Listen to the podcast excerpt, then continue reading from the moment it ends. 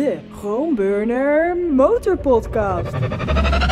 Hopsa. Iedereen bij de Chromeburner Motorpodcast. Wij zijn Iwan van der Valk van nieuwsmotor.nl, Joost Overzee voor al uw freelance opdrachten en ik ben Arno Jaspers van maxmoto.be. Vandaag eh, gaan we het hebben over de TT en de TT. Het is een, een TT-special. TT. En eh, ook nog een beetje over de 24 uur van Spa, waar ik dan ben geweest. Ehm, zullen we maar beginnen met de Dutch TT? Die is het, Oké. eh, het laatst Ja. gebeurd. Ja, klopt, dat is waar. Eh, Ehm, als dit live komt, dan hebben jullie hopelijk allemaal de wedstrijd bekeken, want er gaan natuurlijk spoilers in zitten. Ehm, ja, Ivan, jij bent er de vaste verslaggever. Dus jij weet er het meest over. Dus Nou, eh, ik ja, zou zeggen, ste- steek maar van wal. Volgens Facebook eh reage- reaguren dus verschillende meningen erover, wat ik ervan weet hoor. Dat, Ja. Eh, nee, ehm, eh, eh, mooiste TT wel weer in jaren, denk ik. Hartstikke goed weer. eh. Een Nederlander die het goed doet. Eh, alles erop en eraan. 105.000 bezoekers. Daarover gesproken, dat is nog wel een beetje lollig. Ehm, eh, er zijn officiële cijfers en er zijn officiële cijfers. Oké, want ik dacht net te zeggen, op tv kwamen ze af met 179.000 of Ja, maar dat is een beetje naaierij. Want wat ze steeds liever doen tegenwoordig, is dat ze weekendcijfers geven. Oké, Dus eh 179 zijn dan weekendcijfers. Zeggen ze oh, veel hoger dan vorig jaar. Dat klopt ook wel, omdat er veel meer mensen op zaterdag en op vrijdag komen. Maar vooral op zaterdag. En dat is ook logisch, want die sprintrace is wel superleuk. Mhm. Punt is alleen wel, dat zijn bijna allemaal dezelfde mensen die ook al op zondag komen. Dus eh, je, je bereikt niet meer bezoekers in mijn beleving. Er zijn er wel een stel hoor, maar dat zijn er, nou, als dat er is, eh, er 3000 zijn of zo, is dat veel. Eh, die, die echt alleen puur voor de zaterdag dan nu komen. Maar het is eh, ja, mooi om te laten zien dat er groei in zit op die manier. Uiteindelijk Ja. bereik je nog wel steeds dezelfde bezoekers. Die dan nu al, in plaats van dat ze eh, bier aan het drinken zijn in Assen, dat ze dan nu naar de wedstrijd komen om de, de sprintrace te zien. Eh, nee, het officiële cijfer was 105.000 voor de zondag. Dat vind ik Mhm. het belangrijkste cijfer. Vorig jaar hadden we er 104.000, officiële cijfer. Dan zou je zeggen, we hebben een stijging. Hartstikke mooi. Het zeer bijzonder is dat Arjan Bos, de TT-voorzitter, zegt... nou, het is echt jammer, we hebben 3000 bezoekers, minder bezoekers dan vorig jaar. Oké, nou... Ja, dus er zijn cijfers en er zijn cijfers en er zijn Ja. eh, cijfers. Het zou erin kunnen zitten dat dat eh, komt omdat ze dan eh, wel of niet de melkboer meerekenen en eh Ja, iedereen mensen Ja, precies. Maar uiteindelijk met die cijfers wordt enorm gegoocheld. Ik ben twee weken geleden was ik in Mugello en daar ging een hardnekkig gerucht, gerucht rond dat er duizenden kaarten waren weggegeven door de hoofdsponsoren. En waarom? Het jaar daarvoor waren er veel te weinig mensen in Mugello. En dan gaat gelijk overal paniek losbarsten. Eh MotoGP is dood, eh, bla bla bla bla. ja, geen. Valentino Rossi meer Ja, in Mugello, nou, dat heeft natuurlijk ook wel zijn impact, denk Ja. ik dan. Oh, enorm. Dus dat, nou, het is niet zo gek dat die dan gewoon een slecht jaar hebben. Alleen overal paniek. Dus wat doe je dan? Eh, de methode die sommige organisatoren op het TT-circuit ook hanteren. Je laat schoolbussen vol met, eh, met of bussen vol met schoolkinderen komen. Hm. En nou, die, de plaatsen die anders overblijven, die, die geef je hun. Dus, eh, ehm, maar meer bezoekers, officieel. eh, mooi weer. Nederlands resultaat wat, eh, wat erg goed was. Ehm, het grote probleem was wel een beetje dat eh, Mark Marquez... eh, ja, zijn, enorme reeks aan valpartijen doorzetten. Ja, Ja, en ehm, ja, dat is dan toch wel. Die, die, op een gegeven moment kwam hij ook maar niet meer naar de race, wat heel logisch is. En, en zelfs mensen van dat statuur, denk ik, op een gegeven moment wordt op een gegeven moment tegen zeggen: joh, vriend, weet je wat? Ja, doe even kalm aan. Ja, het is zeker verontrustend dat hij inderdaad door niet op te letten tegen, de- eh, tegen dingen zijn knalde natuurlijk. tegen ja. ja. Banjaya was ja, het toch? ja, ja, precies. En, Weet je, eh, dan, ja. dan, dan, toen begon het in één keer ook iets sneus te krijgen, eh, vond ik. Weet Ja. je wel, dat je denkt van, jongen, doe jezelf dit niet aan. Ja, eh, Een beetje wanhoop komt er dan ook eh, Ja, ja, ja, ja, bij ja. kijken. Ehm, wat heel raar was en heel irritant was dat Bo Bensnijder afgekeurd werd. Ja, Ah, dat vond ik zo slecht nieuws. Ja. Vond ik echt heel slecht. Dat is ook, en het is ook gewoon Onwijs raar jammer. nieuws. Hebben, hebben we geen jingeltje voor raar nieuws? Dat zou wel leuk zijn misschien voor dit. ja. Reno regelt het. Reno regel ja, dat. Ja, ja. Ja, het, rare nieuws. raar nieuws. Raar nieuws. Raar nieuws. Reno regelt het rare nieuws. Raar nieuws. Raar nieuws. Raar nieuws. Vorige week zondag crashte Bo Bensnijder. eh breekt zijn sleutelbeen. Maandagochtend is hij bij het CWZ in eh, Nijmegen. Wordt geopereerd door dokter, eh, weet ik veel, dokter Oetker. En die zet er een, een plaat op met eh, negen schroeven erin. Dinsdag kan die zich alweer opdrukken, Bo. Echt serieus, hè? Wauw. Ehm, maar ja, Ja, in MotoGP-middens hebben we dat soort dingen Ja. al wel vaker gezien. Nou, ja. het verhaal Lorenzo komt dan natuurlijk Ja. weer boven. Lorenzo die zich over laat vliegen, een dag later weer terug is en gewoon vijfde wordt in de MotoGP. Anyway, ehm Bo gelezerd, gevisiood, gehatsaflats, weet ik veel. Eh, misschien hebben ze nog met een paar, paar kruiden overheen gestreken. Alles wat je probeert. Ja, inderdaad. En, en heel hard maar bidden dat het goed komt.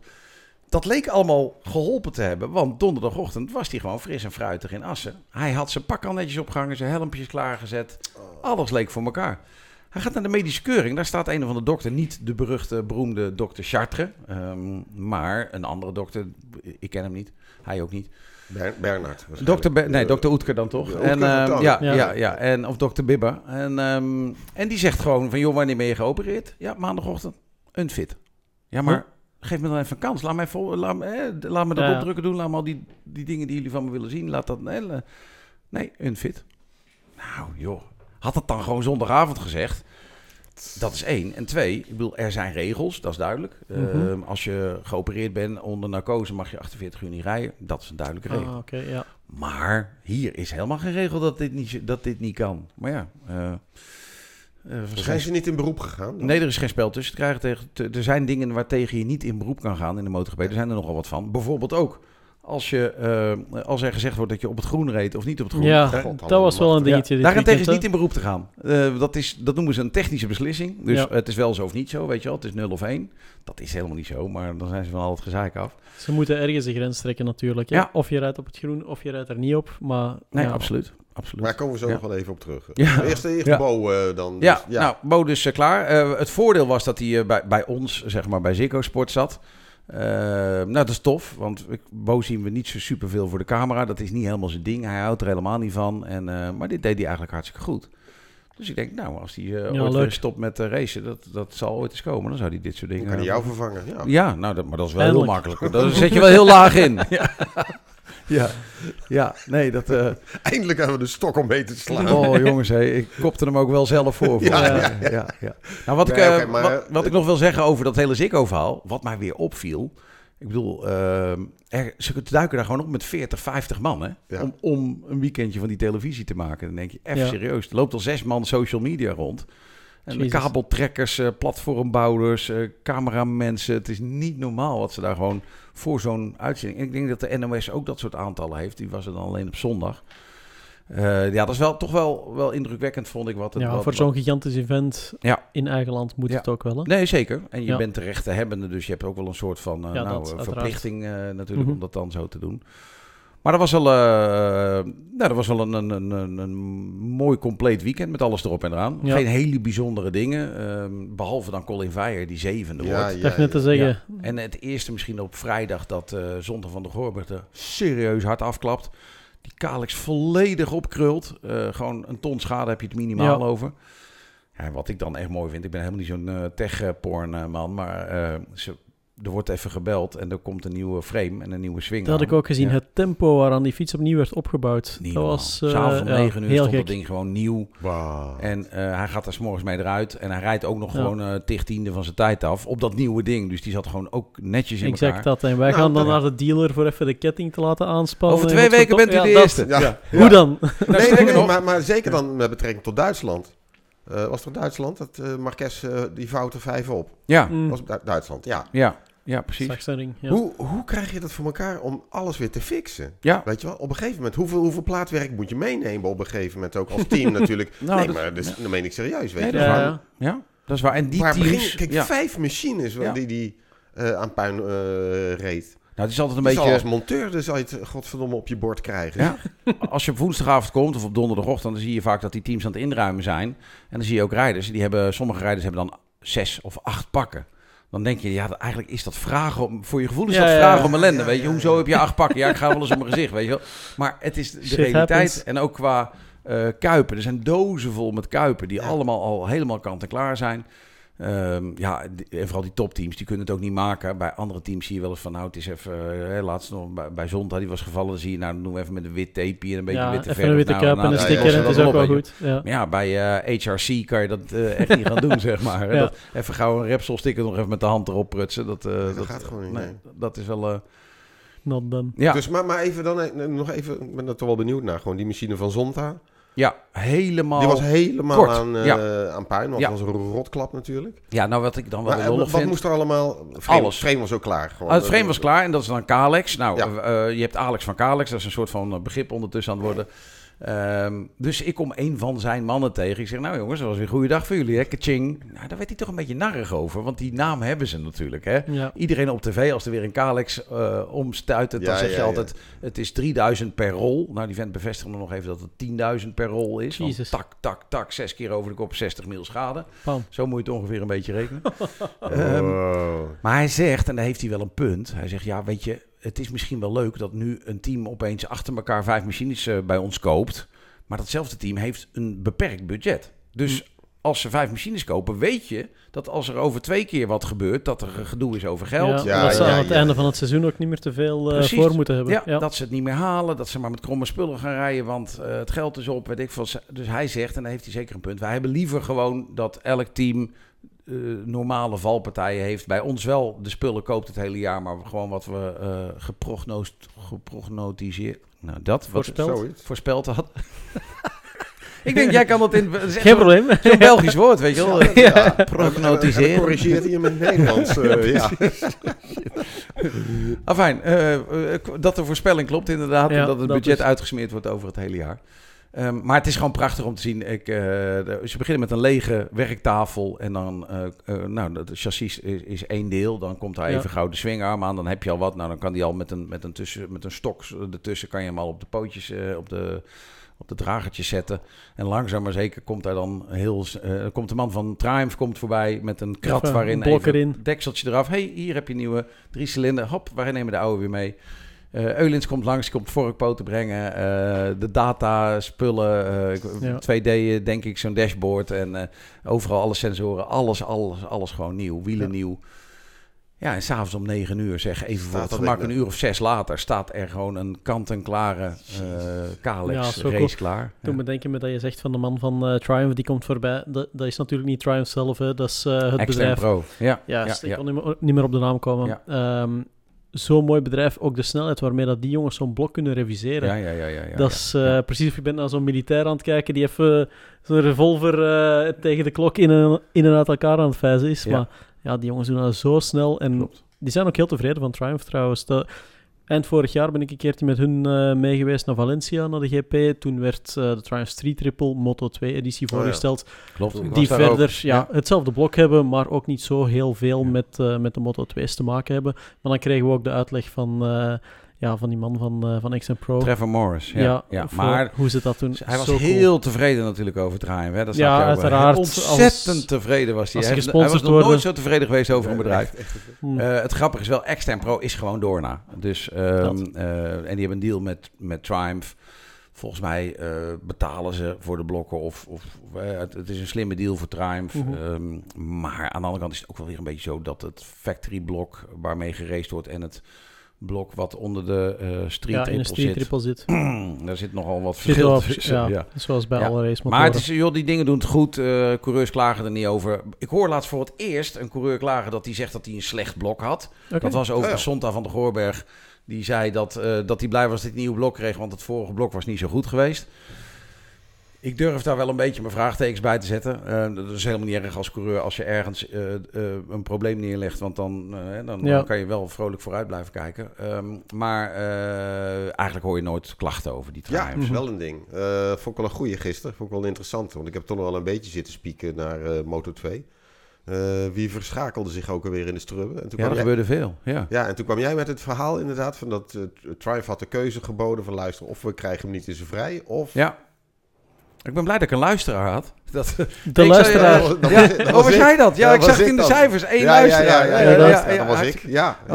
Oh, dat soort dingen. Dank ik hem daarvoor. gelijk weer Ja, ik, normaal maar- zijn het er twee, want mijn moeder die kijkt ook. Ah, oké. Maar eh, ja, nee, ehm, maar eh, eh, nee, ding is, kijk, het zijn gewoon productieblokken. Moto 3 zijn speciaal ervoor gemaakte motoren. MotoGP zijn er speciaal voor gemaakte motoren. Mhm. Die hebben ook een versnellingsbaks. Die gaat van 0, 1, 2, 3, 4, 5, 6.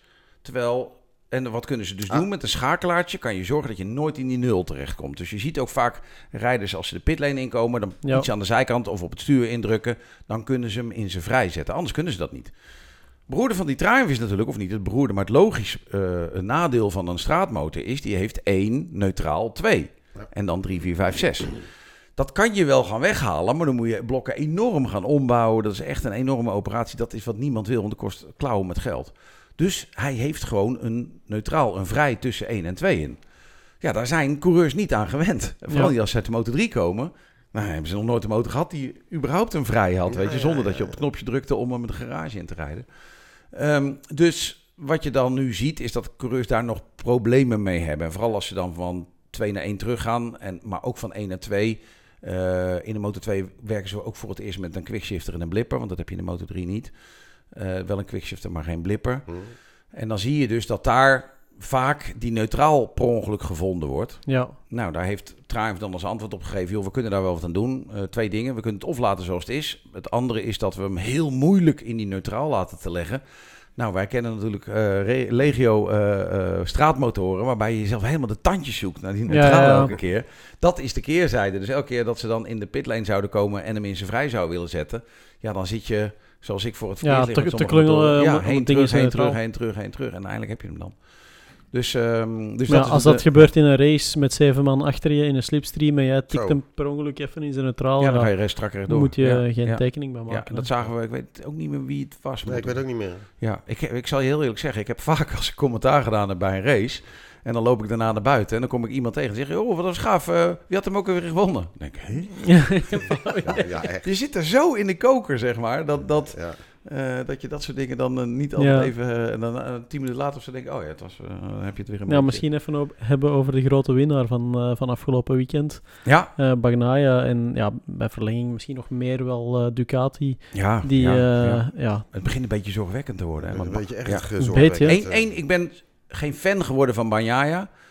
Maar ik deed samen met eh, Nigel Walraven, mijn, eh, mijn broeder in het kwaad, zeg maar, deden wij... eh, achter- Ja, ja. de co-commentator deden wij achter de hoofdtribune een fanstage. Waar we even... Nou, daar kwamen twee uur lang dan alle grote namen kwamen daar voorbij. Hartstikke leuk, iedereen gesproken. Fans helemaal enthousiast. Echt superleuk even, evenementje. Allerlaatste was Francesco Bagnaia. Hij wil liever dat we dat Pecco, dat is een beetje een, beetje een dingetje aan het worden. Dat was eigenlijk bedoeld voor zijn, voor zijn vrienden, zeg maar. En zijn Ja, familie. ja. Nu roept iedereen Pecco. Hij heeft liever dat journalisten hem Francesco noemen. Ehm, wij zijn geen vrienden. Nee, Ehm, duidelijk. nee, ja, ja, nee ik, ik snap het ook wel. Hij komt daar, hij is heel bedeesd. Nou, dat heb je wel eens vaker gezien. Hij praat heel zachtjes, hij is heel rustig. Het publiek gaat helemaal uit zijn pan, want, want de grote Ja, de grote winnaar is daar. Nou, dan eh, wat t-shirts in de lucht schieten, weet ik veel wat, het hele circus gaat draaien. Nou, dan gaat hij, eh, is de bedoeling dat ze daarna allemaal naar voren gaan en handtekeningen uitdelen. Nou, sommige rijders doen dat heel leuk, heel goed. Selfies maken, je kent het allemaal. Mhm. Er zijn ook lui die gaan poef, gelijk weer weg. Er waren ook rijders die helemaal niet kwamen opdagen. Quartararo was er niet, Marquez was er niet. Stonden allebei wel op de lijst. Francesco gaat daar naar beneden. Een half uur later is hij er nog. Er gaat niemand weg zonder, Zonder dat hij een handtekening. heeft of een, of een foto. Helemaal niemand. Dat is wel cool. Echt zo ontstellend cool. Nam voor iedereen rustig de tijd. Eh, ik vroeg aan zijn persdame van, joh, doet hij dat altijd? Ja, zegt ze. eh, hij doet, de dingen die Meestal, hij doet, ja. doet hij zo. Want hij weet nog heel goed dat hij klein jochie was. En hoe belangrijk dat was. Mhm. Nou, ik vond het echt ik, op het ontroerende af. Dat Ja. ik dacht, dit is wel een groot kampioen als je dit zo doet. Hè? Want echt, echt heel gaaf. Iedereen, eh, gillende kinderen, eh, eh, weet ik veel wat. Iedereen kwam Echt aan de beurt. Echt iedereen. Dat is heel knap. Heel leuk. knap, heel mooi. Ja, ja, ja. Dat, dat... Dat is wel fijn, want dat zijn zo de verhalen die je niet hoort en die toch wel een beetje in contrast staan ja, met eh, de Francesco Bagnaia die ik dan op televisie zie. Want ik moet zeggen, qua charisma Ik, ik ja, val ik er nu ja. niet bepaald van achterover. Hè? Nou ja, en ik zal niet zeggen, ik, pro- ik probeer dan altijd eh, ja, een beetje de, de neutrale stem te blijven. Hè. Ik heb thuis eh, een, eh, een vriendin die geweldig fan is van, eh, van een Marc Marquez. Ik heb een hoop vrienden die absoluut geen fan zijn en die nog bij Rossi zweren. ja. En ik probeer dan altijd me maar te beroepen op Zwitserland, journalist. Ik mag van Tom niemand fan zijn, ja, dat. maar nee, dan, dan vind ik het wel moeilijk. Ik kan... Bij de ene rijder kan ik er al makkelijker van, van zijn, omwille van persoonlijkheid of zo. Bij de andere omwille van de dingen die ze echt doen op, eh, op het circuit. Maar een Bagnaia, dat is nu iemand nog op het circuit. Ik kan bijvoorbeeld, op de weg naar heen heb ik er ook over nagedacht. Ik kan me geen één moment pinpointen van Bagnaia waar ik zeg van, dat is een actie ongelooflijk. Da- Onsterfelijk, da- die eh, ga ik tot het in de einde der tijden Ja. onthouden. Ja. Van Rossi heb ik er zo minstens 10 per seizoen. Van Marquez heb ik er 10 per seizoen. Eh, zelfs van jongens als een Dovizioso, Ja. die nu ook niet de grote naam zijn, kan ik me echt nog specifieke Maar, oh, momenten herinneren koppelt, waarvan ik denk van ongelooflijk Ja. bij Bagnaia. Ja, het misschien koppelt, komt door fase de persoonlijkheid, denk ik. Hè? Want de Misschien grap wel, is, ja. want, die, want dat vind ik het leuke wel weer aan Manjaya, dat die, eh, hij heeft echt zo'n engelenbekkie. Hè? Ik bedoel, het is echt zo'n hele lieve, brave Ja, jongen. Dan zet hij de helm op, eh. nou dan, dan snijdt hij je lachend de keel door. Want Ja, er zijn zijn ze zat allemaal van dat soort natuurlijk. acties te noemen. Maar omdat je dan denkt, nou, dat is, die, dat, is dat lieve ventje, eh, niks aan de hand. Maar ik denk dat als je een showreel zou maken van alle acties van Banjaya... die hem er onderdoor of bovenlangs rost op een manier... denk ik, oh, wacht eens even. Ik laat me niet Nou de kaas ja, van het- de brood het, eten. Het, het, het verontrustende, denk ik, deze TT was, eigenlijk in navolging van, eh, van Duitsland ook, is dat eigenlijk van tevoren, al had ik al zo'n beetje bedacht, eh, zeker na de sprintrace en dergelijke, na de TT-uitslag, dat wordt simpel gewoon. Dat wordt eh Bezzecchi, Bagnaia, eh Martin. Martin, ja, tussen Ja. die drie kan je Nee, kiezen. Zo'n drie, dan- dus die, die drie gaat het. Nou, Martin die verkloot zijn start. Of het was er... eh, oh, nou, die had met die valpartij in de kwalificatie en alles. Eh, maar eigenlijk, geen halverwege de race, toen het echt spannend zou moeten gaan worden, begon Bagnaia dat op een meesterlijke, maar tegelijkertijd ook oervervelende manier te controleren, Ja. weet je wel, zijn voorsprong. Ja, zo'n beetje alle Lorenzo destijds. Hè. Gewoon op de weet je wel, en steeds op- wegrijden. Op, 0,8, eh, weet je wel. Dan denk je, Ja. nou, nu komt hij dichterbij eh bij Jackie, weet je wel. En dan toch weer net niet en zo. En dan gaat hij Ja. net wat harder. Dit zijn races die voor de tv ook niet zo tof zijn. Ja. Nee, ik dacht net te zeggen. Nee, ik Ja. vond... Ik stond in de Noordlus, dus ik had er eh, daar geen probleem mee. Want ik doe alleen Motor 2, Motor 3. Daarna Ja. ga ik altijd naar de race kijken. Mhm. Ja, dan is het wel spektakel hoor. Och, coleren. Want Ja.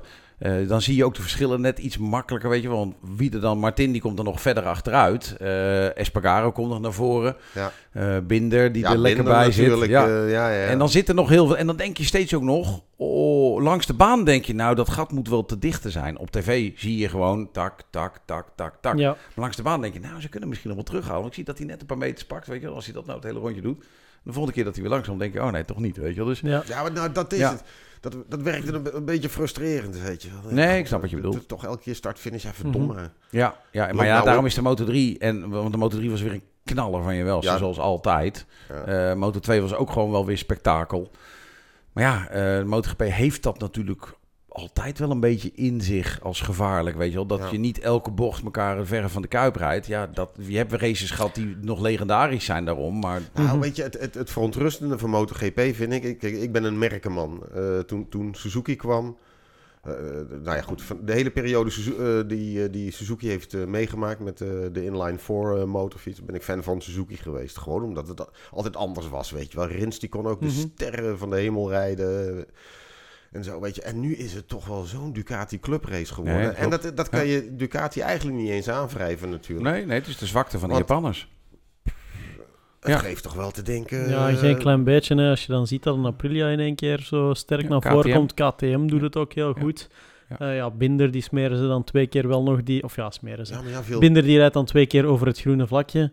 Eh, ja, op een haar na. Ik Ja, vind, dat doet hij. Dat, zo dat werkt is dat. heel Ja. jammer, Ja. maar Ja. kijk, Ja. zo Ja. is het. Ik vind, ik vind vooral erg voor MotoGP, als je jongens als een Binder al moet gaan bekijken als zijn de, de smaakmakers binnen een race. Ja. Dat vind ik echt jammer. Heb je een punt. Dat is ook Want een beetje het zo- lastige. Ja, zo'n Ja. Bezecchi bijvoorbeeld, die, oké, ja, die komt nog echt over op tv, dat is een grappige kerel, maar ja, die zit dan toevallig ook op dezelfde Ducati waar Bagnaia op zit, dus dan weet je op voorhand al van ja, dat gaat nooit echt een race eh, op haren en snaren, op leven en dood worden, want ja, als Bezecchi Bagnaia eraf kegelt, dan Ja. heeft hij volgend jaar geen stuur niet meer. Ja, ja, nou ja, Miller is er dan nog altijd om het een beetje leuk te maken. Ja, die Eh, knalt je hem dan in de eerste ronde onderuit. eh, gelukkig.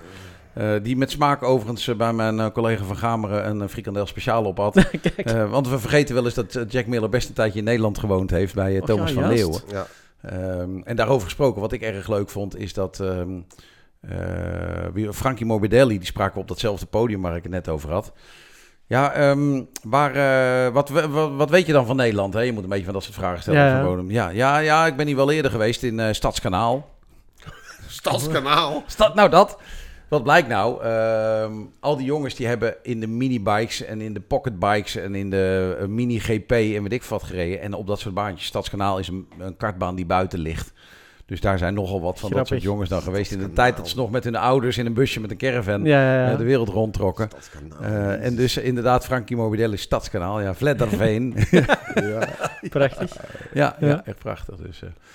Dus ja, ehm, eh, ja, dat van die clubraces, daar heb je een punt met die Ducatis. Maar ja, wat gewoon zorgwekkend is, en nog steeds zorgwekkend blijft... vind ik dat Honda en Yamaha zo enorm billenkoek krijgen. Mhm. Nu Ja, in de pruts. Maar eigenlijk eh, KTM en Aprilia ook wel. mm, dat is, vind ik Ik nog het gevoel dat acceptabel. vorig seizoen dat het eh, succesvoller was Ja. voor eh, KTM en... eh, Ja, maar die worden geen, en niet, niet alleen maar tiende of zo, weet je wel. En dat is bij Honda en Yamaha nu wel aan Ja. de gang.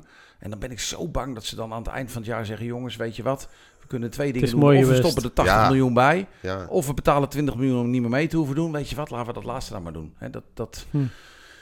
eh, dat vind ik wel een beetje zorgwekkend. Want Verdomme nou, zeg. ja, ja, dus, Ja, ehm, stel je voor MotoGP zonder HRC of zonder Yamaha. ja, dat Ja, zou dat- wel heel slecht zijn. Heel slecht, ja. Zonder Suzuki Kun- ik kunnen ze er net zo goed eh, mee ophouden, denk ik. eh. Nou, Nou, dat... Ik, zat, ik zat eigenlijk al een paar weken geleden zat ik te denken van... Weet je, we hebben allemaal hebben we, in koor hebben we eh, staan huilen natuurlijk bij het nieuws dat de Suzuki ermee ophield. Ja. Maar misschien hebben zij wel een hele goede, accuraat afgestelde kristallen bol eh, altijd eh, gehad. Dat zij dat misschien aan zagen komen van dat aero-gedoe en dachten van nou weet je, Ja. Ja. we smeren hem voordat, het, voordat we helemaal afgemaakt worden. Ik heb nu het verhaal laatst nog bevestigd gekregen. Stel dat je ergens 200 miljoen hebt liggen. Ja. Ehm, jij hebt dat wel, hè? Ja, ja. Ja, Ehm, dan wel, kan je even bellen met eh c.espeleta.doorna.com. Kan je die mailtje sturen. En dat hele spul van Suzuki schijnt nog steeds ergens in Barcelona in een loods klaar te staan. Was bedoeld voor BMW om daarmee te gaan, eh, om in te stappen in de. MotoGP. Dat is nooit gebeurd. Dus eigenlijk plug and play heb je daar een compleet Plug and play. eh, een MotoGP-team, zeg Ik maar. Holy dat je. Yamaha die bende niet opkoopt. eh. Ja, dat zou ook nog een idee ja, of eender welk merk gewoon om, eh, om al het developmentwerk van Suzuki. Ja. eh, Ja. Ja. Nou, Chinese merken, daar, ik denk dat daar wel een beetje toekomst ligt. Al die Chinese merken waar we tegenwoordig Ja. nog een klein beetje lachen over doen en vaak ook nog wel terecht. Die zouden maar zo in dat soort grappen kunnen stappen. Want straks wordt Dorna wanhopig. Uh, Mhm. Er is veel te doen bijvoorbeeld over de Moto 3. Eigenlijk willen, wil Honda misschien wel van de Moto 3 afzeggen ze. Want die steken er ook al geen jaren geld meer in. Want wat moet je met Ja. een 250 cc 1 cilinder? Daar heb je geen reet aan aan, aan zo'n ding. mhm. Dus weet je wat, dan gaan we... Nou, dan van die plannetjes die komen dan voorbij. Dan gaan we twee cilindertjes doen. Parallel twinnertjes 400 of zo, weet je wel. Of, of 300, weet ik. In ieder geval iets.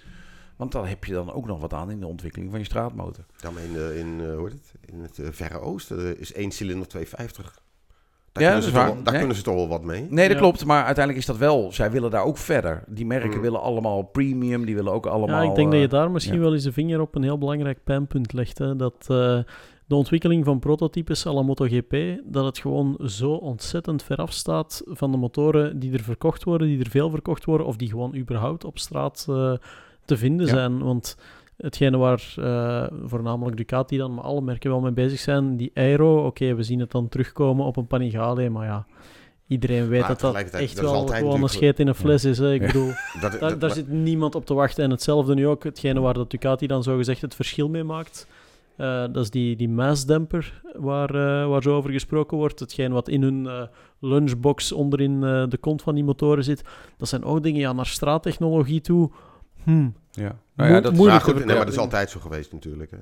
ja, dat is waar. Dat, dat Ja. de, de, de 500cc, eh de vroeger, dat was altijd de, de, ja, de, de, de, de prototype klasse eigenlijk. Dat had ook werkelijk helemaal niks meer te maken met eh, de fietsen die op straat reden. Nee, maar ik wil Dus zeggen, altijd bepaalde ontwikkelingen die komen dan wel toch terug bij straatmotoren, waar dat je nu ziet dat er gewoon niks eh, vertaald wordt naar de straat. Nou ja, de grap is dan natuurlijk ook wel een beetje dat eh, juist die Japanse merken, eh, de, de motormarkt we- wereldwijd gezien ligt tegenwoordig in eh, Zuidoost-Azië. In die kleine, eh, kleine eh, frikandelletjes eh, Mhm. noemen we dat dan altijd. Ehm, de grap is natuurlijk dat juist die Japanse merken in die markten ijzersterk zijn. Ja. Dan is het best wel een beetje een raar verhaal als je dat dan afzet tegen wat jij net vertelt inderdaad. Dat, eh, eh, d- dat de, juist de Europese merken eh, heel veel in dat soort ontwikkelingsdingen doen. Mhm. Ehm, maar ja, waar ga je dat dan verkopen? Ik bedoel, hoeveel Panigales verkoop je nou? Ja. Eh, Ja, ja, ja. Honderden. Ja. en en eh, de Japanners verkopen, een, een Yamaha verkoopt in Indonesië miljoenen. ja. Dus je zou eerder zeggen Mhm. van ja, d- dat, dat, het lijkt ergens te wringen tussen het racen met prototypes en het verkopen van enorme shitloads aan Ja. makkelijk weg te douwen motortjes. Maar goed, daarvoor is altijd, eh, de, of tenminste daarvoor is ooit de Superbike in het leven geroepen. Om de link tussen de racefietsen Mhm. en de, de straatmotoren Ja. klein te Ja. houden. Maar dat is- dat is- werkte totdat Ja. Dorna allebei de kampioenschappen kreeg. Want in mijn beleving zijn ze gewoon Ja. World Superbikes een zachte dood aan het laten sterven. Dat- Misschien vooraleer dat we op dat zijspoor verdwalen, nog eens heel even Colin Veijer. Die heeft het eh, afgelopen weekend ook heel goed gedaan. Erg goed gedaan, had negende plaats op de grid. Eh. Eerste jaar, hè? Gewoon, ik geloof dat het zijn achtste race is of zo eh, van, van ever. Ja, ja. Eh, en werd uiteindelijk zevende in de wedstrijd. ja. Echt erg goed. En zat gewoon continu in de kopgroep. En, Ja. en eh, wat je in Duitsland nog merkte, ja, dat was prachtig om te zien. Dan had hij per ongeluk kreeg hij kopstart. Dus hij als eerste duikt de eerste bocht in. en, Helemaal de weg kwijt. en het mooie is ook dat hij achteraf zegt, ja, daar kwam... hè? ja. Dus, ehm, zo, eh, maar dan heel rustig, want hij praat altijd heel rustig. Maar daar kwam het ongeveer een beetje op neer. Ehm, en dus eerst gebeurt hem dat. Nou, dan komen hem een aantal gasten voorbij, zegt hij. Dan ligt het tempo te hoog voor mij, want hij, hij is altijd heel eerlijk. En, eh, en gaat dan op zijn kokosnoot. Dus oké, maar in As is de hele andere koek. Hij weet gewoon in de kopgroep. Nou, je weet in de Moto 3 kan de Kan kopgroep 20 zijn. Op een gegeven moment breekt dat dan, zijn het er nog 10. Nou, dan hangt hij keurig achteraan. Dan denk je eerst Ja. nog van, nou, dat is de rookie, dus die hangt op zijn wenkbrauwen in die, in die groep. Oh, zei hij achteraf van, nee, ik deed ook wel een beetje kalm aan, tot het einde een beetje Ja, energie kwam bewaren. nog terug ook nog. Precies, eh, ja. ja. En toen, eh uit, ja, uit het duwen trekken van alles en nog wat, daar heeft hij nog wel wat te leren natuurlijk. Ook misschien een beetje ontzag toch ook voor de mannen die daarvoor in meerijden, want dat zijn Ja, maar niet dat zomaar... dan nog zevende wordt. Ja, wel. Ik dacht fantastisch. van, misschien zit hij achteraan in die groep Ja, of zo. Ja, ja, nee. Nee, hoor. Ja, het is ook een leuk jong. Ehm, het is nu, nu natuurlijk wel zo dat de druk der natie op hem komt te liggen. Want eh, nou ja, eh, Bo- was er niet. eh Zonta heeft het moeilijk om een stap vooruit te maken. En dus alle pijlen op, op Colin Veijer. Ja. Ehm, nou, laten we hopen dat dat hem goed afgaat. Want dat wordt nog wel een dingetje. Ik moet dan eerlijk toegeven dat Barry Baltus me totaal ontgaan is. Die had dat schijnt ook Ja. wel een Ja, Geen slechte ehm, kwalificatie. ik, eh, hij- doet het, eigenlijk doet Barry het hartstikke goed de Ja. laatste tijd. Hè. Ik durf uit mijn hoofd niet zijn uitslag te zeggen.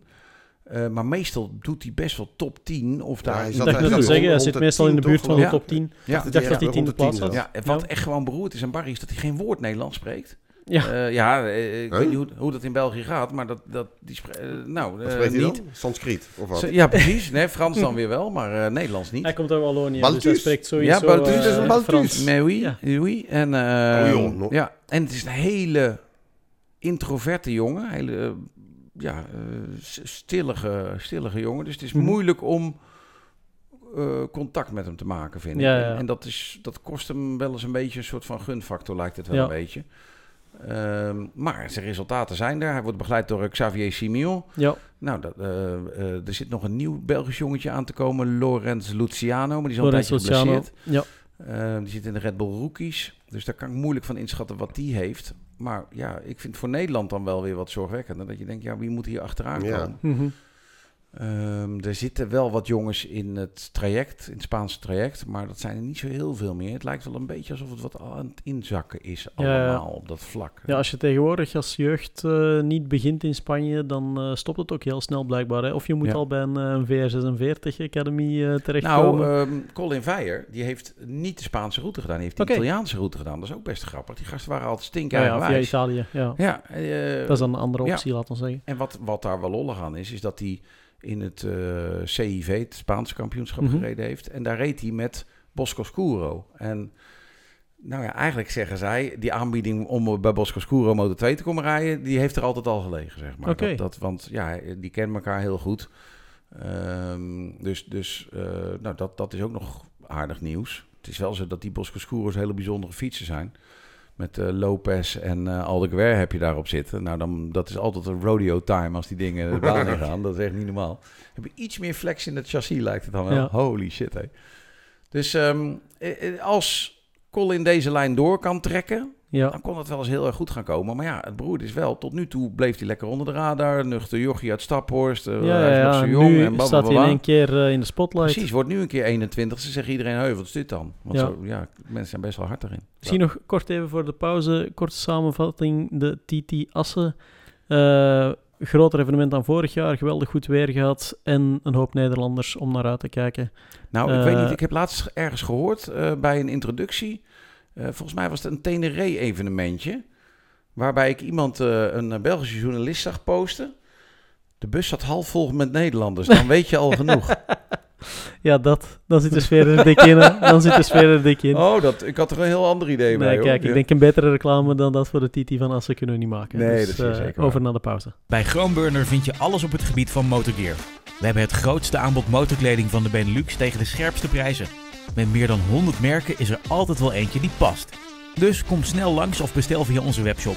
Je vindt ons langs de A59 bij Nieuwkuik of natuurlijk via groenburner.nl. Groenburner Motorgear. Fun starts here.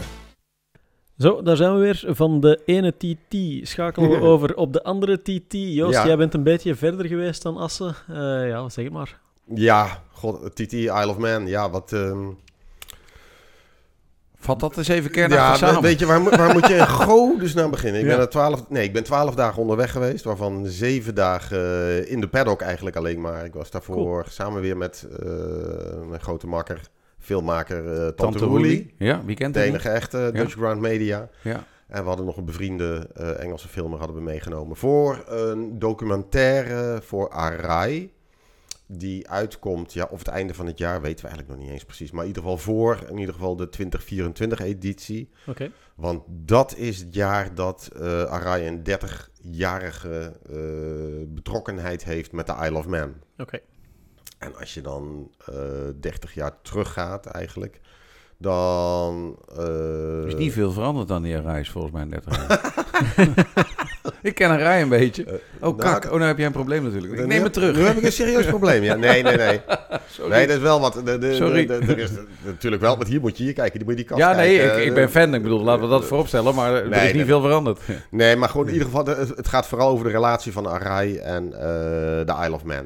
Eh, waarom Arai er zo in zit. en Zo. Ja. Ja. fijn, dat, eh, die documentaire die komt dus eh, TZT. Ja. Daarvoor was ik daar, dus samen met de andere twee. En het was vooral gewoon heel veel interviews doen met de coureurs en dergelijke. Eigenlijk heel weinig van de races gezien. Eh, nou ja, goed, dat, dat- dat is dan nou eenmaal zo. Je bent daar voor je werk gewoon. En eh, was wel, ja, Ja, dan Weet heb je wel iets gemist, want het, wa- Het- het was de beste, de snelste TT ja, ooit. Het is, eh, dat sowieso. Het, het sowieso, maar het begint al op die paddock, weet je. Het, het begint al dat we op dag 1 aankwamen en, en op zoek waren naar een coureur. Gewoon Dominic Herbert, Herbertson. En eh, Is die niet van die podcast? Nee, dat is denk Oh. ik dan weer een andere. Oké, nou. Maar nou, goed, die, ja. die, de, ja, die ligt bij de Visio en zo. En iedereen is bereikbaar, weet je wel. Want je hebt dan inderdaad, wat je dan toen net zei, van dat je alle coureurs bij elkaar hebt. En, en, maar daar loop je gewoon, ja, je loopt daar gewoon bij iedereen binnen. Ja. Je, dat, Mhm. dat is gewoon heel, normaal. Maar die ligt bij de Visio. Nou, dat ligt bij de Visio. En eh, dus wij zo'n een of andere bunker binnen, zo'n bouwkate of zo. En met allemaal, allemaal fysiotherapeuten en zo. Er ligt daar Jamie Coward, nou ook een van de top vijf rijders daar zo. En Sean Anderson ligt daar. En, en Sean Anderson, die, die liggen dan gewoon dus om, om, om, om eh, gemasseerd te worden. En die Sean Anderson, ja, zegt tegen mij, I know you. Ik zeg, wat? Hij zegt, ja, van de KTM eh, RC390 introductie. Oh, ja. Hij hij zegt, ik was de projectleider. oh, Ik echt? zeg, maar godverdomme, wat zullen we nou krijgen? Ik zeg, wat race je dan? Ja, nou, ik, nou die, reed dan, het? die race dan voor de Suzuki Classic Racing Team. Ja, en die had dan voor het eerst dat hij de 130 mijl even gehaald. Oh, nice. weet je wel? Dus Ja. het is ook nog een jongen die echt top Ja. 10 rijdt. Echt, Zo classic is het. echt zo geweldig, eh, weet je wel. En het is in, bij die visio, en de- daarom geef ik juist dat aan... Iedereen lag daar in de stuip, zaten te geinen met die fysiotherapeuten. En, en niemand is eh, groter dan de andere. En de sfeer is daar echt ook op, op de startgrid nog. Weet je, zie je een Peter Hickman, zie je daar lachen. Ja. Met die monstermeiden en dan met een George Brooks. Zitten ze gewoon echt te dijen kletsen Ik denk van dat er één uitzondering alleen maar is. Dat is Michael Dunlop, lijkt me. En dat is absoluut waar. Dat is zeker. Die hebben wij... eh enfin, dat is natuurlijk de belangrijkste Arai-rijder, eh, Michael Dunlop. Ja. Dus ja, wij daar achteraan, eh maar goed voor een interview. Ik bedoel, hij haat journalisten per definitie. Heeft al eens een keer te kennen gegeven, van, ja, mensen vindt hij eigenlijk helemaal niet leuk. En het een ongelooflijk introverte kerel. Heel, heel erg moeilijk, maar tegelijkertijd ook zo ongekend bevlogen, die gozer. sleutelt ook alles zelf. En zo heeft wat Ja. mensen... Heeft zijn eigen team nou? heeft zijn eigen team ook? natuurlijk. Ja. En, Deels eh, en dergelijke. Nou, uiteindelijk konden we dan via een van de, eh, de, de of de, degene die het onderhoud doet, een Colin, eh, die het onderhoud doet van de helmen voor specifiek ook Michael Dunlop. En die had toen gezegd van, joh, voor dat interview eh, moet je nu meelopen. Want dat is het echt, hè? Van, Ja. Dan horen we ergens anders op de paddock van, ja, hij loopt nu eh, ergens rond en hij schijnt in een goed humeur te zijn. Dus we gaan, nu moet je er naartoe. Als Ja. je maar Michael Dunlop wil spreken. Nou, Ja. we konden hem dan krijgen. Nou, uiteindelijk was het dus een interviewtje van vijf minuten vol Ja, met maar dan heb je al heel wat. Want, Maar dan heb je, ja. dan heb je in ieder geval al wat, want je moet die Ja, keer vijf al hebben. minuten waarvan je er waarschijnlijk eh, een halve kan verstaan, want die praat dan ook nog Het eens is ook van nog de... nauwelijks te verstaan en dergelijke. En het is gewoon een bekende riedeltje en zo. Dus, dus, Ja. dus, nou ja, goed, maar je hebt hem dan. Maar wat mij opvalt, is eh, dit is de TT die, waar ik het meeste ooit van alle TT's live gevolgd heb. Ja, Eh, vroeger bestelde je een videoband van Duke Video. En Ja, dan, klopt. dan kon je eh, Klopt. drie maanden later kon je dan de highlights bekijken. Nou, toen kwam de DVD, dat was heel wat. Klopt. Maar nu hebben ze een fantastisch streamingabonnement. ja. eh, daar Ja. Waar je alles live op kan volgen. Man, man, dat is man. echt Ja. ongelooflijk. En dat Ja. streamingabonnement is gewoon hartstikke gratis. Ja. Je meldt je aan maar, en, en dan kan je al die eh, documentaires kijken van... eh, ja, voor de races eh, moest je wel dokken. No dan. room for Ja. error. Voor Ja. de races moet Ja. je dan wel Ja. dokken. denk inderdaad, voor de Maar races was het iets van 25 euro Ja, of zo? 26 of Schappelijk bedrag. 26 Ja, Schappelijk inderdaad, bedrag. niet overdreven 27 veel. voor... eh, Ja. voor- dan kan je alle races Ja. bekijken. En dat is allemaal topklas. Ja, maar dat lijkt me wel moeilijker voor jullie om het, om het dan te gaan doen. Want Ja. ook zo'n no, no Room for Error, bedoel, er zit duidelijk eh, productie Ja, in. En, en dan moeten jullie ook is- interviews maken. Lijkt me nog niet zo makkelijk. Nee, dat valt ook niet mee. Maar daar heb je dan ook echt Arai bij nodig. Tegelijkertijd heb je ook Duke, het productiebedrijf, bij nodig. Ja. Dus wij krijgen voor die documentaire... eh, eh, krijgen wij Racebeelden. acht minuten racebeelden. ja, ja, ja. Daarna gaan we betalen. Maar Ja. dat is dan puur een deal van Arai samen met Duke, Tuurlijk. productiebedrijf. Ja. Want weet je, we hebben niet de tijd om nog eens even langs de baan ergens te Ja. gaan Nee, staan. Want dan ben je een halve dag kwijt. De- Nee, dat- voordat je en- dan en die ook- beelden ja. hebben zij toch. Voordat je toch dan ook even een net shot maakt. Want dat, dat valt me elke keer op. Ja, Die gasten komen gewoon echt met eh 280 voorbij blaffen. Ja, is- probeer er dan maar even een Ja, shot van te maken, joh. Onvoorstelbaar gewoon, weet je. En, en het, het zijn juist, dat intrigeert mij heel erg eigenlijk, gewoon de, de, de, wat er in die koppen van die mannen omgaat om Ja. dat juist te doen. Kijk, de makkelijkste weg is om te zeggen, oh, het is levensgevaarlijk en zo. En dan rijden zich zoveel mensen dood. En hoeveel doden dit jaar, weet je wel. Ja, nou, dat, Het antwoord tuurlijk, is één over. Het antwoord is één eh, Mhm. en dergelijke. En eh, ik had nog contact met hem en hij likte mij terug. ja. En een dag later was hij dood. Ja. Weet je wel, eh Raúl eh, Torres Martinez. Ehm, Die overigens ook in die No Room for Error zat. en die zat in die No Ja. Room for Error. En die was een dag Ja. daarvoor was hij nog even bij Arai langs geweest. Even die helm, Ja. even een praatje maken. Eh, Weet je wat, godverdomme. Dan is het echt... Dan, dan Ja, komt dan het komt weer heel zo dichtbij. Ja. afschuwelijk dichtbij, weet je wel. Eh, maar ja, de, de mensen erachter, en ik noemde hem net al, die Dominic Herbertson. Prachtige kerel, lachen jongen, lachen, lachen. Maar die vertelde dan ook inderdaad van, ja, dit jaar kon hij dan ook wel meerijden. Want hij is eigenlijk, eh, is hij houthakker. Ja, Hij logisch. Prachtig. doet in hout. Ja. En hij had vorig jaar had hij terugslag gehad. eh, was hij met zo'n ding, met die kettingzaag, die was paaf teruggekomen. Hij zegt, moet je hier eens voelen? Hij zegt, hij zegt ja, want die kettingzaag die was dus door, door mijn oogkas gekomen. Oh, En eh, ja, dat lag allemaal open. Mijn hele schedel lag open en dergelijke. Toen, toen ben ik, ja, toen moest ik naar het ziekenhuis en zo. En daar hebben ze mijn, Ja. hebben ze mijn ogen even eruit gehaald en even apart gelegd en zo. Ah, hebben ja, ze dichtgemaakt. En je voelt hier die plaat nog wel zitten. En toen Wauw. denk je, jezus, mina, ja, echt dat soort Ja. figuren. Ja, ja. En een andere dan, eh, Mike Brown, die zegt dan ook, eh, die was dan tweede in de Super Twins. Een waanzinnig leuke klasse op basis Mhm. van, ja, eigenlijk het, het, het Yamahaatjes eh, zaten Yamaha er, hè? 700 R7, blokken. ja, En, En, ja. en vooral ook, eh hoe heet het, eh, versus ER6 blokken Ja. en zo. Ja, die eh in Maar zo'n gast ook, zegt, ja, van, eh, wat doe je dan? Hij zegt, ja, ik ben boer. Ja. Oké, een boer. Ja, cool. Hij zo, ja, misschien over een paar jaar ga ik wat anders doen. Hij zegt, ik kom uit Ierland. En op mijn 21ste had ik nog nooit van de Isle of Man gehoord. Ja. Weet je, dus dat heb je ook. Ja, En, ja, en de ja, nou, je ziet het. Ja. Het is Ja, elke kippenvel keer als ik erover praat, is het Ja. zo'n kippenvel. Want de, de, er zit zo'n bevlogenheid in die mensen om te rijden. Ik moet er nog eentje noemen. eh Gorge. En ze noemen hem, tenminste ik noem hem steeds Gorge, want je schrijft het zo Gorge. Maar George eh, Halliday, net 21 geworden. Jongen die race dan in de, wat is het, met een R6 in de Supersport. British. Nee, Eh, niet, ook- dat niet. Nee, nee, nee. Oh, alleen Man, alleen nu. road. Ja, oké. Zijn ja. vader was er ook bij en eh, die had vroeger geraced dan. En dan ben je zo aan het inbeelden. Ja, ik voel ze weer. hoor. Ja, ja, ja, ik zie ze op Dan je ben je zo, ja. zo aan het Ja. inbeelden, weet je wel. Als je met die ouders praat, eh, met die moeder. En, en, en juist dat, hè. Ja. Nou, hij heeft dan geen kinderen, maar andere coureurs hebben kinderen. Van, nou, papa gaat starten, weet je wel. En dan zie je die Gorgen, zie je zo op de starting grid lopen. En alle mannen, en er- er er zit dan van een Michael Dunlop, een Peter Hickman, alle gro- grote namen. Die zitten op die motoren dat ding te duwen. En hij loopt zo over, dat, over die startgrid zo. Beetje dingen van, van waar is mijn motor eigenlijk, weet je wel. Ik kon bijna wel huilen, goed. weet je wel. Ja. En, en dat onwennige en dergelijke. Ja. Ja, gozertje reed nog wel even voor de grap 118 mijl, weet je wel. Dus Ja. gemiddeld eh, over dat ding. Dus, Ja. jongen, het, het, het is, Het is controverse al. het is al, een en al controverse Ja, en het ja. is één en Ja. al emotie. Ja. En Ja. iedereen is mekaars vriend daar. Ja. Je ziet niks op straat leg- liggen aan rotten, aan, eh, aan eh, weet ik veel, papier of wat dan ook. Ongelooflijk. Ja.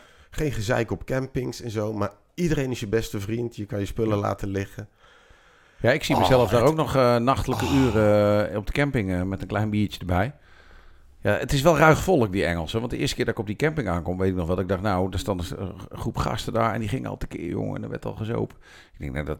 Op de een manier dacht ik, dus binnen 10 minuten is dit matten gewoon. Ja, ja, ja. ja. In realiteit, binnen 9 minuten stonden we al bier met elkaar en te Ja. lallen. Dat, Ja. ja, dat was Dat echt... Ja, ja, ja, gebeurt ja, ja. nooit Ja, iets. En het, ja. is, het is zo puur, want je loopt bij iedereen loop je binnen. En, Ja. en, en dan heeft de vader van die, die, zijspangasten, Crow en zo. Ja, ja, die- ja, Die, die mist dan een arm en een been en zo. Maar- verhaal, en, hè? en weet je wel, dat, dat Ja. verhaal. Ja. En die zit dan te helpen en te assisteren. Ja. En weet je, so be it. Ik Ja. heb gereisd, Ja. ik wilde dit. Ja, weet je, ik, moet over- daar- ik, ik- de- Ja. dus ik, ik vind, ik doe mezelf onrecht, of iedereen onrecht aan, als ik niet de side note erbij maak. Ik Ja, heb, ja. Toen mijn zoon racete, Ja, heb ik mij absoluut ver gehouden van de Isle of Man TT. Mhm. Voor die tijd ben ik er een x-aantal keren geweest. Toen die racete, heb ik er geen woord aan besteed, het er nooit over gehad, niet naar gekeken. nee, snap ik. Ik denk, wat er ook gebeurt, ik wil niet dat hij ooit zegt... hé, hey, maar pap, dat lijkt me een goed Ja. idee. Nu is hij gestopt met racen. Ja, nu geniet ik er opeens weer van. Ja. Wat een hypocriete lul ben ik, zeg. Hé. Niet te zuinig. Mm, Ja. Ik snap het wel. Ja. Ik snap het ook van mezelf, maar ik, als Ja, ik erover nadenk, denk ik... Ja, jezus. Weet je, het is zo... Ja, ja je hoeft maar een Jochem van de Hoek eh, te noemen, weet ja, je wel. Ja. Eh, Spektakel. Sjaki Ja. Spektakel, Ja. weet je wel. Ja, die Ja. ligt daar ook daar op, in de mountain eh, met een, eh, een Ja, koperen maar- plaatje met zijn naam erop. Ja. Het is in België nu ook weer in het nieuws geweest. Ja, Vic de Korenmeter, maar dat was in Chimay gebeurd. Maar die heeft inderdaad ook op eh, Isle of Man gereden. Ja. Maar ehm, ja, het is ook weer in het nieuws geweest dit keer. En normaal gezien is het ieder jaar dan opnieuw het, eh het HRN-bericht van zoveel doden, dodelijkste race ter wereld, dit, dat, sensatie, klik nu. Eh, en dit keer hebben ze wel de moeite gedaan bij de VRT, dat is dan ja, Nationale Omroep, om eh, een televisiebericht erover te plaatsen en ook effectief Laurent Hofman uit te nodigen. Dat is, eh, ja, ik denk een van de grootste Belgische roadracers wel. Die, die race overal een beetje mee, race ook sprints en zo. Maar die gaat ook naar Tsjechië, et cetera. Die heeft echt wel ervaring, heeft ook op het eiland gereden. En die mocht het dan even komen kaderen als, als expert voor ja, de mensen die enkel en alleen maar de HLN-berichten zien. En eh, ja, die heeft dat daar heel goed gedaan. Die zei ook gewoon van, ja, kijk, dat is voor mij meer een levensstijl dan wat anders. Het is ook niet iets waar je onbezonnen aan begint. Je studeert eh, het, circuit knal van buiten. Eh, tegenwoordig met games, vroeger met videotapes, een paar keer naar het eiland gaan, daar aan locals advies vragen, et cetera. En dan pas neem je de beslissing om dat te gaan doen als zijnde een van de hoogtepunten in je carrière, in je leven, whatever. Ehm, dat vond, ik heel mooi dat het zo, jij noemt. Dat eh, dat wel- zo werd gekaderd. Ja. Ja, nee, op dat moment was, Ja. eh, was eh, Hofman natuurlijk ook een aantal jaren jonger. Maar Ja. die, die bracht het nu zo over naar het algemene publiek. En leeftijd hoeft daar voor mij Nee. niet meteen een rol in te spelen. Ik snap wel dat je naarmate je ouder wordt, je natuurlijk risico's, je, je risicoperceptie anders wordt. Maar eh, als dat hetgene is waar je, wat je op dat moment absoluut wil doen, waar je voor leeft, ja. Waar je alles voor wie, wil laten. wie is iemand anders dan om Ja, daarover eens. te oordelen? Broeders, ik snap het supergoed. Ik bedoel, Ja, als ik talent genoeg had, had gehad, eh, dan eh, had je het ook gedaan. En Ja. dan, ja, sorry voor, Ja, de, nou voor de mensen om me heen, maar dit er is... ja. Man, man, het man. is zo intrigerend. Ja. En ja, als Ja. je er niet geweest bent, Ja. Wat moeten mensen doen die volgend jaar willen gaan? Dan zullen mensen dit horen. En, eh, eh, wat zou je ze aanraden? Want ik vind ze- vaak in de planning is voor een hoop mensen nog wel een beetje... Wat vond jij het interessantste deel? Waar moet je bij zijn? eh, Ik ga even onderbreken. Het eerste wat je moet doen is sowieso al nu naar Steam Packet Ja, ja, ja, ja, eh, de overtocht boeken. zo Ja. En beginnen, beginnen Ja, ja, ja, met ja, een, ja. Maar eh, dan moet je bij Joost een weten, overtocht te bij boeken. Joost weten wanneer je er eigenlijk moet zijn. Eh, ja, waar ga je, ja, waar ga je voor? Ga je echt voor die races Maak een natuurlijk? keus, Eh, ja. eh, maak een keuze, dan zou ik, ik, ik... Ik zou denk ik gewoon de senior TT en de dag ervoor gewoon missen. Ja, oké. Ja. Fuck it. Ja, Weet je het wel, is best je- lang dat namelijk, je- hè? Ja, precies. Weet je, doe- doe een deel vrije, een klein deel vrije training als je echt een beetje de- in dat paddock. Eh, Ja, de sfeer zit je alweer, zit je alweer acht dagen daar. Hè? Als je een beetje vrije training doet, dan heb je de senior. Doe een paar kwalificatiedagen. Ja, inderdaad. Doe een paar Ja. kwalificatiedagen. Ja, want dat vind ik lastig. Voor veel mensen die zeggen, joh, dat wil wel naar de Man, maar wat ga ik dan doen? Ja. Ja. Eh, dat is lastig. En ja. ja. ja. Tegelijkertijd, voor ons is het natuurlijk toch ook wel weer anders. Kijk, want in, ja, nu was ik er weer, net zoals in 2018, voor, eh, voor werk. Dus dan zit je heel veel in de paddock. En Ja, je ja, bent een beetje waar. Ja. gewend of zo. Ja. Kijk, kijk, de echte eh, gasten, die willen misschien, uit, die willen misschien toch gewoon koet koet gewoon die eh, senior TT zien. Ja, dan Ja. moet je dat ja, doen. Ik Ja. denk dat het ook een beetje afhangt van of je voor de eerste keer gaat of, eh, of een volgende Ja. keer. Die eerste keer dan wil je gewoon absolute races gezien hebben. Dus als je voor Ja. de eerste keer naar een MotoGP-race En- gaat, kunnen wij ons Ja. waarschijnlijk ook niet meer echt helemaal voorstellen. Maar dan wil je absoluut op zondag die race gezien hebben. En- nu wil ik die race op tv Ja. zien en wil ik liefst van al gewoon donderdag, vrijdag misschien nog een beetje in de paddock rondhangen. Absoluut, eh, wat grootheden van dichtbij zien. Absoluut verplichte kost is dat je hem zelf rijdt. Met je eigen motor. Ja, ja, ja, Ja, dat is natuurlijk het mooiste wat er En is. Eigenlijk- dan, Eigenlijk moet je dan toch Mad Sunday doen, vind ik. Ik vind Iedereen, nee, echt serieus. Mad Sunday is toch wel...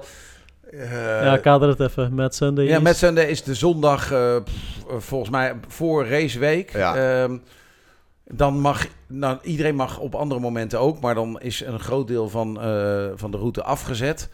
Ehm, wat je ook wel eens kan doen is, als de afsluitingen s'avonds eraf gaan, dan kan je ook al redelijk eh, pronto rondrijden. Ja. Je mag in mountain course heb je geen snelheidslimieten, dus dan mag je zo hard als je wil. In de dorpen daarentegen wel. ja. Maar Mad Sunday gaat iedereen, dat heet Mad Sunday, omdat er nog eens wat gebeurt. Ik bedoel, er zijn altijd Ja. slimme rikken die denken, weet je wel wat, wat. ik ga gewoon even laten zien hoe hard kan. En dan mijn vrouw achterop. En eh, Ja. nou, dat gebeurt. Daar gebeuren dus ook wel eh, dingen. Maar het, aan de andere kant is het een feest gewoon. Is het, Het is ongelooflijk. Ja, het is ongelooflijk. Was trouwens met Mad Sunday was één ongeluk gebeurd. Oké. Was een Porsche de vangrail ingereden. Dat zal nee, de travijn Dat ingereden. zal ze leren. Dat zal ze leren.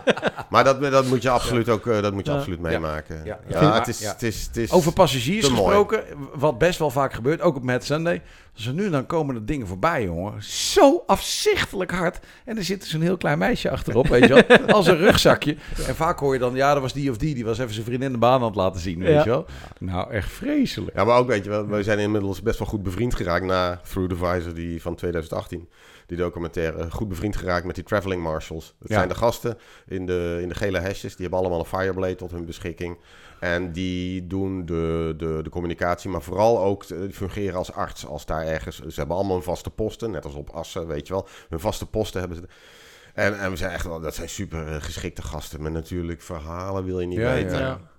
Maar het is niet zomaar dat je gewoon even met een eh, studie, eh, een avondstudie, LOE, verpleegkunde, dat je dat kan worden of zo. Hè? Want je moet kunnen aantonen dat jij zoveel keer geraced hebt. De Isle of Man die die geraced Oh, echt? hebt. En medisch onderlegd.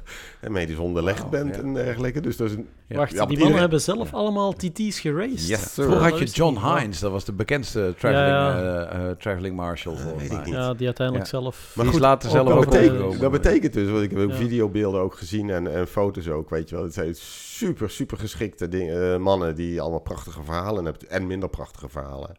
Maar ook video's en dingen. Als, hoe die over dat circuit heen. Dan denk je, ja, dat zijn die artsen, weet je wel. Ah. Dat zijn die gasten, Ja. weet je wel. Die, die, die Ja. controleren de baan een beetje. Ja. Fucking man, Ja. die rijden ook gewoon 125 mijl gemiddeld, weet je, nog steeds. Ik had dit jaar ook, eh, ook heel grappig. Ja, een van de collega motorjournalisten, Rennie.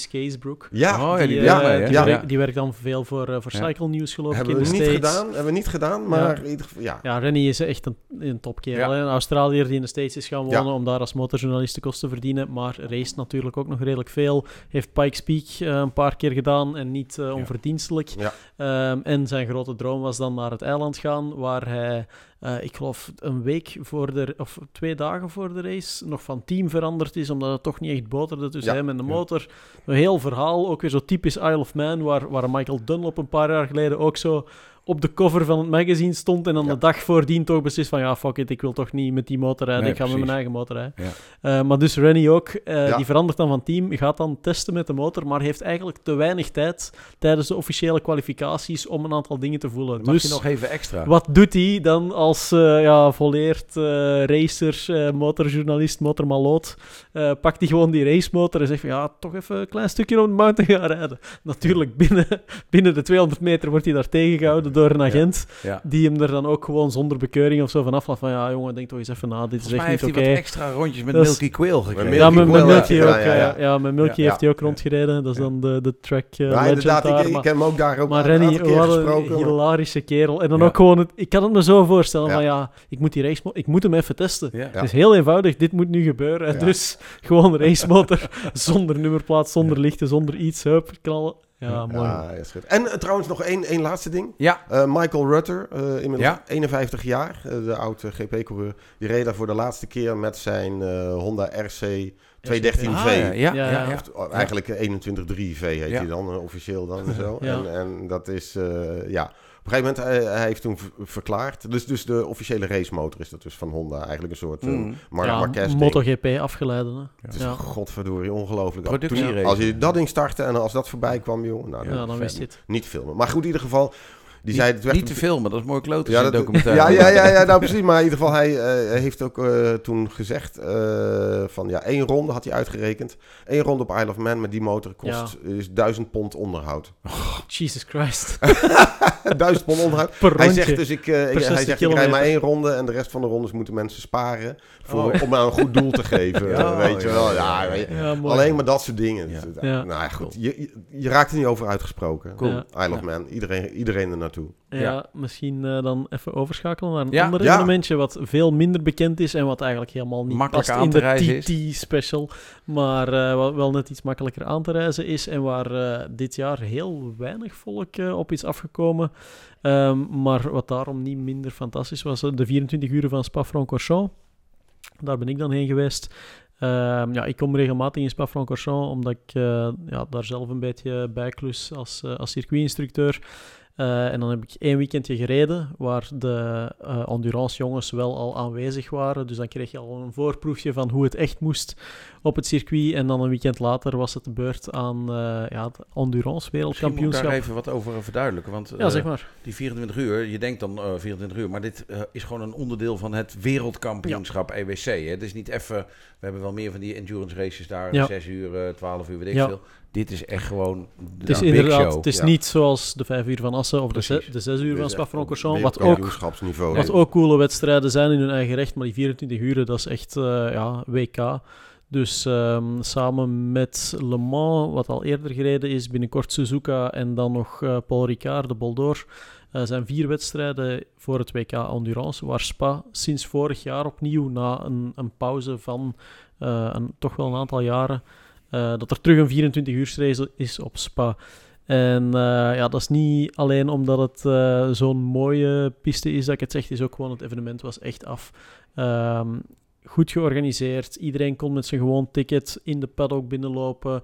Eh, het is ja, ook een relatief klein wereldje, dat, het endurance gebeuren. Maar iedereen die er was, kent dan ook wel iemand via via. Dus je geraakt nog wel eens gemakkelijk binnen in de boxen. Maar het zijn toch alleen Met- maar Fransen daar in mijn beleving? Er zijn heel veel Fransen, Ja. maar toch ook redelijk wat Belgen die erin... Meer en meer Ja, Belgen, zeker Ja, op. Spa zelf dan. Eh, voor de Nederlanders noteer ik vooral Ricardo Brink, die we hier eerder al in de podcast genoemd hebben. Die eh, reed nu ook mee. Eh, is relatief snel uitgevallen wel, maar er zijn Ja. echt wel een aantal een jongens. En dan niet onverdienstelijk ook het eh, RAK 41 Chromeburner team van onze sponsor natuurlijk. Waar eh, vooral Wayne Tessels eh, het mooie weer maakt. Ja. Ehm, die trouwens heel goed gereden hebben weer. RAK 41 eh, staat volgens mij nog altijd in het kampioenschap aan de leiding. Oh ja. Ehm, en ze reden ook lange tijd voor de winst. Misschien even er wel bij vertellen. Je hebt twee klassementen binnen het EWC. Dus je hebt het, eh, het WK voor de fabrieksteams, laat ons zeggen. En dan het WK voor de stokteams. Binnen die stokteams, waar de budgetten allemaal ietsjes lager liggen. eh, daar rijdt eh, RAK 41 Kroonburn er dus echt wel vooraan mee. En dit keer ook weer tijdens de 24 uren tot dat is dan ook endurance. Ja, een, eh, een uurtje, denk ik, of nog geen uur voor het einde van de wedstrijd gaan ze op hun bek. En dan eh, ja, is het niet, eh, niet even wachten of zo. Nee, dan is het gewoon meteen van het podium Dat vind ik altijd zo afgereden. mooi aan de endurance. hè, Dat je ziet vaak dan de Oh. persberichten achteraf. Of je Ja. hoort de coureurs. En dan zeggen ze, ja, het ging geweldig. Maar maar één klein dingetje. Als Ja. we dat nou niet gehad hadden, Dat- dan... ja. Ja, Dat- maar het is, het is zorgen dat je geen Dat kleine is het hem altijd in hebt. endurance. En Ja. ja. ja, we hebben dan in België natuurlijk het BMW Motorrad eh, WK-team dat meedoet.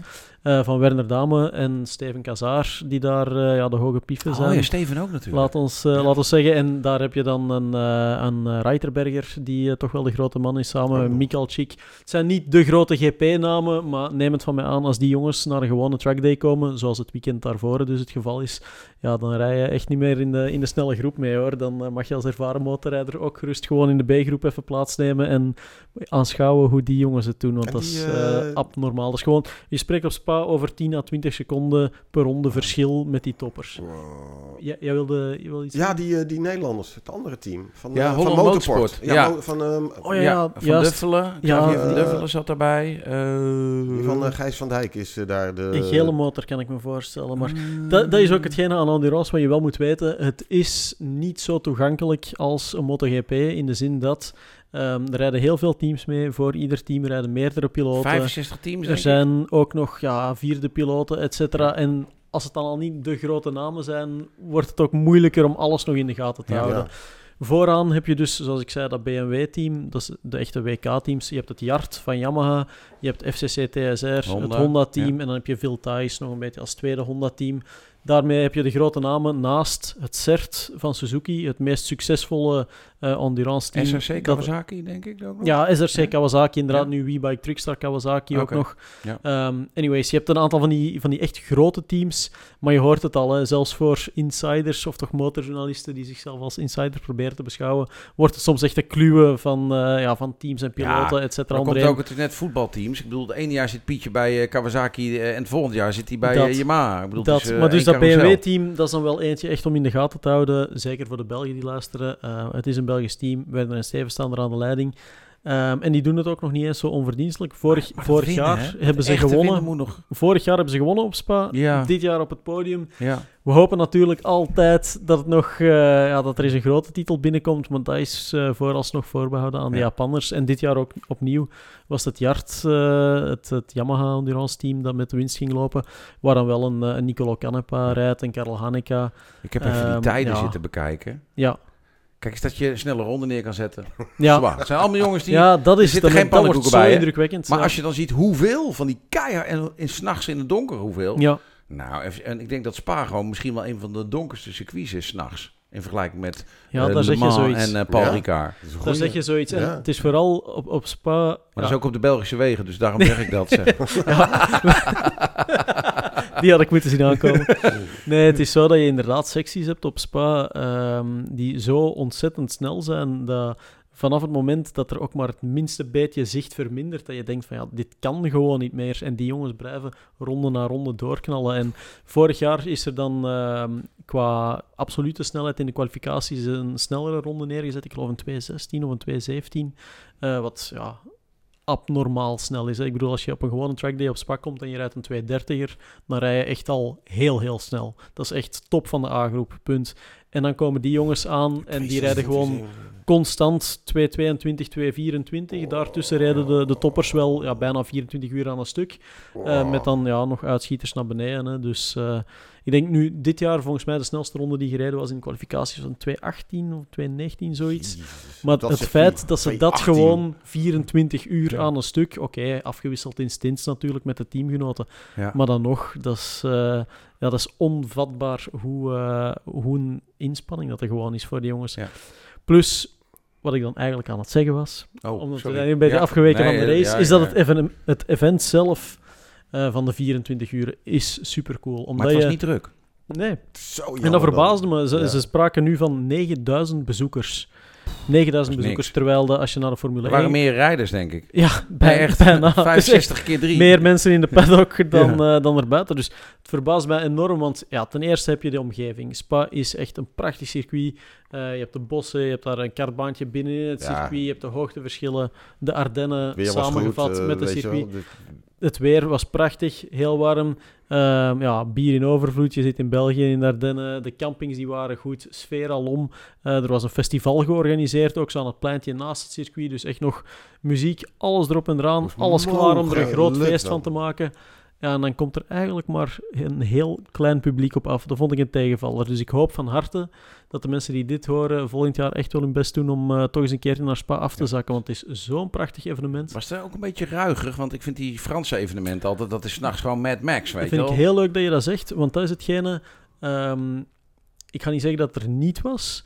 Er waren zeker ook momenten op de camping dat ik dacht van ja, moet dit nu, moet die motor echt sneuvelen? Eh, Moet je echt wheelies maken moeten, zonder moeten, we de kleppen, Ja. moeten we de kleppen terug gaan tellen straks? Eh, de jongens met drie man op de pitbike en dit en dat, dan Ja. een gigantische barbecues en whatever. Dus het is er allemaal wel. Ja. Maar ja, van zodra dat het avond wordt, dat de nacht begint te vallen, dan is er ook wel zo'n beetje consensus. Ik denk, ja, veel later dan 10, 11 werd er niet meer de biel gedaan. Oh? En was het, eh, was het Ah. ofwel tijd om richting circuit te trekken en de nachttrainingen of de nachtrace mee te gaan Ik volgen? weet niet of ik dat nou een voordeel of een nadeel Ja, vind. ik- Ja, vond we het- ik vond het allemaal gewoon zo rond 10, 11 gewoon even met Ja, schatje, gaat goed hoor. Ja, Eh, ja, ja, ja, Ja, ja. Hoe gaat het met de kleine Kevin? Eh, ja, ja, Ja, ja, precies. Ja, ja. Nee, Nee, want ik weet nog het wel was, het inderdaad door. niet, niet à la Ja. Boldoor, waar, Nee. je, waar je met je motor de camping opdraaide en je nog net niet eh ja, gevierendeeld werd en, eh, en de motor erbij. Ja. Sterker nog, ik was dan van dit jaar ook bij Le Mans bij de MotoGP. Mhm. Nou, dat was al gewoon voor, Ja, eh, voor Europese begrippen aan de ruige kant. Sodom en Gomorra, ja, man. ja, prachtig. Ik, ik bedoel, ik keur dat ten strengste af, maar ja. Ja, nee, dus dat. Dus Spa 24 uur. Oh, Dus volgend jaar moet je daar gewoon bij zijn. Ik ga er volgend waarom jaar zijn sowieso er niet drie meer dagen mensen, zijn. denk je? Ik bedoel, Waarom zijn er niet meer mensen? Heeft de organisatie eh, misschien niet genoeg gecommuniceerd? Ik gok dat het voor een stuk met marketing te maken heeft. Het was eh, dit jaar ook voor de eerste keer dat eh, een ander agentschap de marketing deed. Het agentschap dat normaal gezien in Le Mans de MotoGP doet, die ontfermde zich nu ook over de WK-marge in, in Spa-Francorchamps. Ik vermoed dat er daar toch iets fout gelopen is.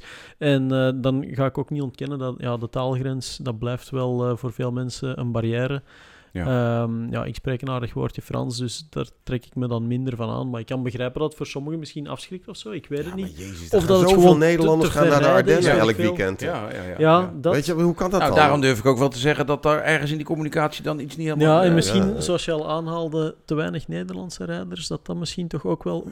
Als Ja. ik dan puur naar de Nederlanders kijk, Nou, dat een misschien wel, eh, wel Ja. een dingetje kan Maar zijn. weet je wat het ook is? Het is? niveau is best wel heel erg hoog. Absoluut. Aan de andere kant, in Frankrijk zie je ook wel Fra- Franse rukteams. Ik bedoel, die Mhm. echt achterin zitten teams die echt Ja, ja, in de opwarmronde al stuk gaan en dat soort dingen, Ja. weet je. Waar rondetijden helemaal nergens op lijken. Dat is misschien Maar- iets voor ons dan om mee te doen. Dan, Dat eh. is wel een ideetje, ja. Kijk, ja, daar, ja. daarvoor hebben ze ook de zes uur. Ik heb de kromrijd al de geprobeerd in elkaar te zetten. Ik eh, ben ik op koude kermis gekomen. Dat ga ik niet nog een keer doen. Nee, ehm, overigens bedankt. Kawasaki had ons daar motoren voor aangeboden. Nee, serieus. Ehm, maar dat geldt zijde. Eh, nee, ik denk dat dat wel een ding is. En ja. Ja. je vindt ook niet zomaar Nederlandse teams die het voor elkaar kunnen krijgen qua, qua Ja, ja, je spreekt, je alles, om spreekt echt over te serieuze Ja, budgetten. je hè. stapt echt wat nou, ook dat niet alleen dat. Je hebt veel mensen nodig, je hebt kennis Ook- nodig. Ja, alles. Want de ja. eerste keer dat je er komt, weet je van, van god nog suruperen wat je nou precies moet doen met Mhm. het wisselen van zo'n wiel. Of, eh Ja. eh, het zijn allemaal nieuwe dingen natuurlijk. Ja, en dan kom je in één keer in een circuit terecht waar dus die WK-jongens rondrijden. Met Die, 2,19. die gewoon ja, ge- geoliede machines zijn Ja, eh, van begin tot einde. Ik heb dan het geluk gehad om met, eh, met Bridgestone, met, eh, met Stefan Meijer, de boxen te bezoeken s'nachts bij die fabrieksteams, jongens. Dat is er, daar wordt geen woord te veel gezegd. Daar zie je nooit zo die, die chaos van Ja, als er een motor ja. gecrashed is of zo. Nee, daar is geen chaos. Iedereen weet exact welk boutje hij in en uit moet draaien en dat is zijn taak is voor die 24 Ja. uur en that's it. Daarom hoop je soms op om te crashes. zien. Ja. Ja, die beelden van hoe dan een motor met rust gerepareerd wordt, zalig. Ik mis eh, Christophe Guyot daar wel een beetje. ja, we hadden het daar net Ja. over de MotoGP, waar de kuipen en klaar hangen en de verschillende Ja. onderdelen en dit en dat wel in het endurance dus ook. Hè. Ja. hangt er allemaal zo netjes klaar. En dan vooral bij die bandenwissels ook, om te zien hoe dat gaat. Van ja, die compound, dit, dat, nu. Dat is ja, Gaaf. hoor. machine. Super cool om te Heel zien. mooi. Ik denk dat we daarmee ook aan het einde van deze podcast gekomen zijn. Ik Ja. onthoud dat ik volgend jaar zeker opnieuw naar de TT in Assen moet. Dat ik een ticketje moet boeken voor Wij de gaan, Steam Packet eh, Company. We gaan een tweede Chromeburner team doen. Ja, het tweede Chromeburner Totale team. losers. Rak, Eh, rak 42 doen we Rak, dan. eh, Rak 47. Nee, nee, rak, rak 40, die zijn sneller. Ja. Ja, ja, ik weet niet of Ja. Schoonburner daar zijn naam op wil hebben dan. Ja, dat, dat- ik bedoel, deze podcast vinden ze Ja. volgens mij wel, wel helemaal prima, maar op een motor weet ik ik het niet. Ja, in ieder geval, iedereen bedankt om niet te luisteren en te kijken. Vergeet ook niet van te abonneren. En als jullie nog mailtjes hebben, mogen jullie sturen naar het welgekende e-mailadres. Motorpodcast.nieuwsmotor.nl Nog vragen? L, Wij L. waren Joost Overzee, Iwan van der Valk en Arno Jaspers.